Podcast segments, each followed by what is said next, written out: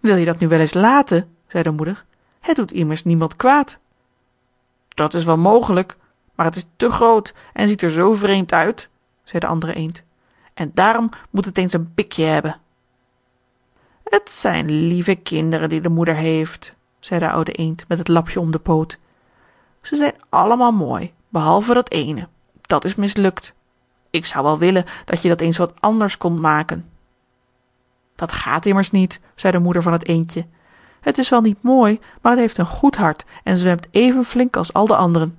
Ja ik moet zeggen nog beter. Ik denk wel dat het goed zal opgroeien en met der tijd wat kleiner worden. Het heeft te lang in het ei gezeten en daardoor is het wat mismaakt geworden. Dit zeggende pakte ze het beet en streek zijn veeren glad. Bovendien is het een woerd zeide ze en daarom doet het er zooveel niet toe. Ik denk dat het wel krachtig zal worden het weet zich tenminste nu al goed te verweren. De andere eendjes zien er allerliefst uit zei de oude eend. Doe maar alsof je thuis waart. En als je een palingkop vindt dan kun je die wel aan mij brengen. En zoo waren ze er dan zoo goed als thuis.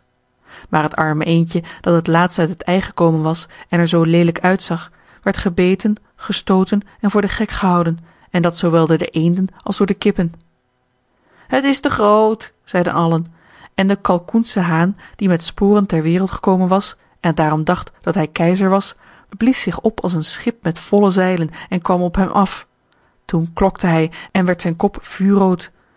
Het arme eendje wist niet hoe het zich zou wenden of keeren het was treurig omdat het er leelijk uitzag en door al de anderen bespot werd. Zoo ging het den eersten dag en later werd het al erger en erger. Het arme eendje werd door allen geplaagd zelfs zijn zusters waren kwaad op hem en zeiden steeds mocht de kat je maar beetpakken jou leelijk schepsel.